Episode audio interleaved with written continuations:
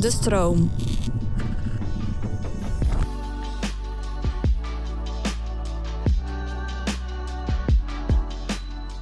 Hallo allerliefste luisteraars en BookTok-fanaten. We gaan het vandaag hebben over een boek wat ik al heel lang wilde lezen, maar nu was het eindelijk zover.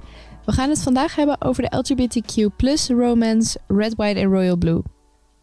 Voordat ik het inhoudelijk over het boek ga hebben, wil ik het eerst even ingaan op het LGBTQ stukje. Zoals jullie weten was het eerste boek wat ik ooit besprak natuurlijk Heartstopper.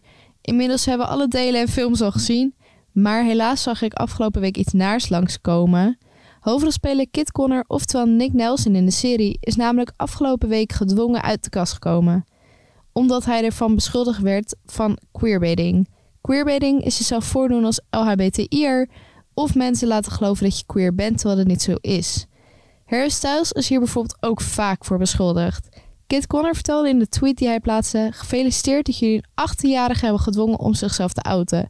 Ik denk dat sommigen van jullie het punt van de serie hebben gemist. Dit is natuurlijk echt niet oké. En wat ik ook jammer vind, is dat juist in Hardstopper gaat dat je jezelf moet kunnen zijn. En niet verplicht wordt door iedereen van buitenaf om uit de kast te komen. En dat je het op je eigen termen moet doen. Hardstopper en Red Wine en Royal Blue zijn juist boeken die zulke lastige thema's beter bespreekbaar kunnen maken. Red Wine and Royal Blue is dan ook een boek wat ik heel veel voorbij heb zien komen op BookTok. Het is echt ongelooflijk. Het boek is geschreven door Casey McQuiston in 2019 en werd al heel snel een hit. Casey heeft nog twee andere populaire boeken geschreven, namelijk One Last Stop en I Kissed Sarah Wheeler. Ik heb de boeken nog niet gelezen, dus als jullie ze wel hebben gelezen, laat dan weten of de boeken ook aanraders zijn. Ik raad iedereen van 14 jaar een ouder boek aan en zeker als je op de middelbare school zit. We hadden het er net natuurlijk al even over, maar als je het boek Hardstopper leuk vindt, is het echt een aanrader, zeker omdat de schrijfstijl echt erop lijkt. Ik vond het een heerlijk boek om te lezen en ik ben er zo snel doorheen gegaan. Het was een mooi geschreven boek. En wat ik zelf heel erg leuk vind, is dat er heel veel kleine popculture elementen in voorkwamen. Zo waren ze bijvoorbeeld aan het praten over Marvel Star Wars, gesprekken die ik ook heb met mijn vrienden. Ik heb van een paar mensen gehoord dat zij het juist niet leuk vinden, omdat het verhaal van het boek en de wereld waarin het boek afspeelt hierdoor gelinkt wordt aan de wereld waarin we leven. En dus de fictie een beetje wat weggaat. Maar ik vind het zelf absoluut niet. Ik vind het juist leuk als er een paar van die herkenbare puntjes in zitten. Wat ik zelf wel jammer vond, is dat het boek... Het is een enemies to lovers boek.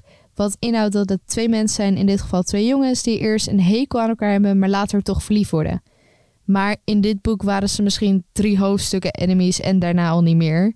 Dus dat had van mij wel wat langer mogen duren. Verder vond ik het onwijs top boek en ik raad het echt aan. Dus laten we nu maar snel over het verhaal zelf gaan hebben. Wanneer zijn moeder president wordt, wordt Alex Claremont Diaz ineens gezien als het Amerikaanse beeld van de zogenoemde Young Royal. Hij wordt omschreven als knap, charismatisch, slim en hij zou dus de perfecte marketing zijn voor het Witte Huis. Er is alleen één probleem. Alex heeft hele grote ruzie met een echte prins, namelijk Henry, de prins van Wales.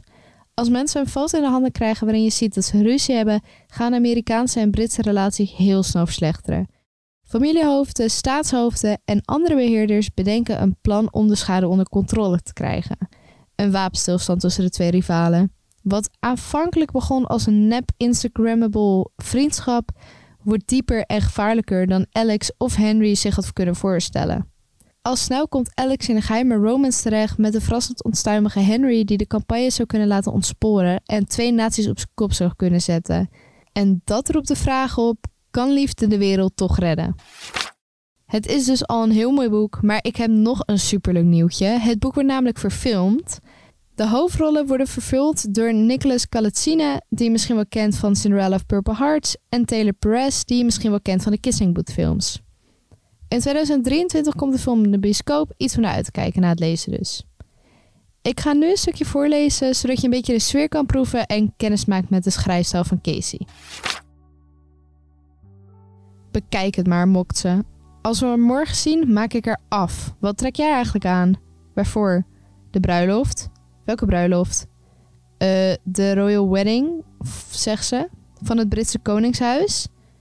Dat staat zo'n beetje op elke cover die ik je net heb laten zien. Als de US Weekly weer omhoog houdt, ziet Alex de enorme headline pas. Prins Philip zegt ja.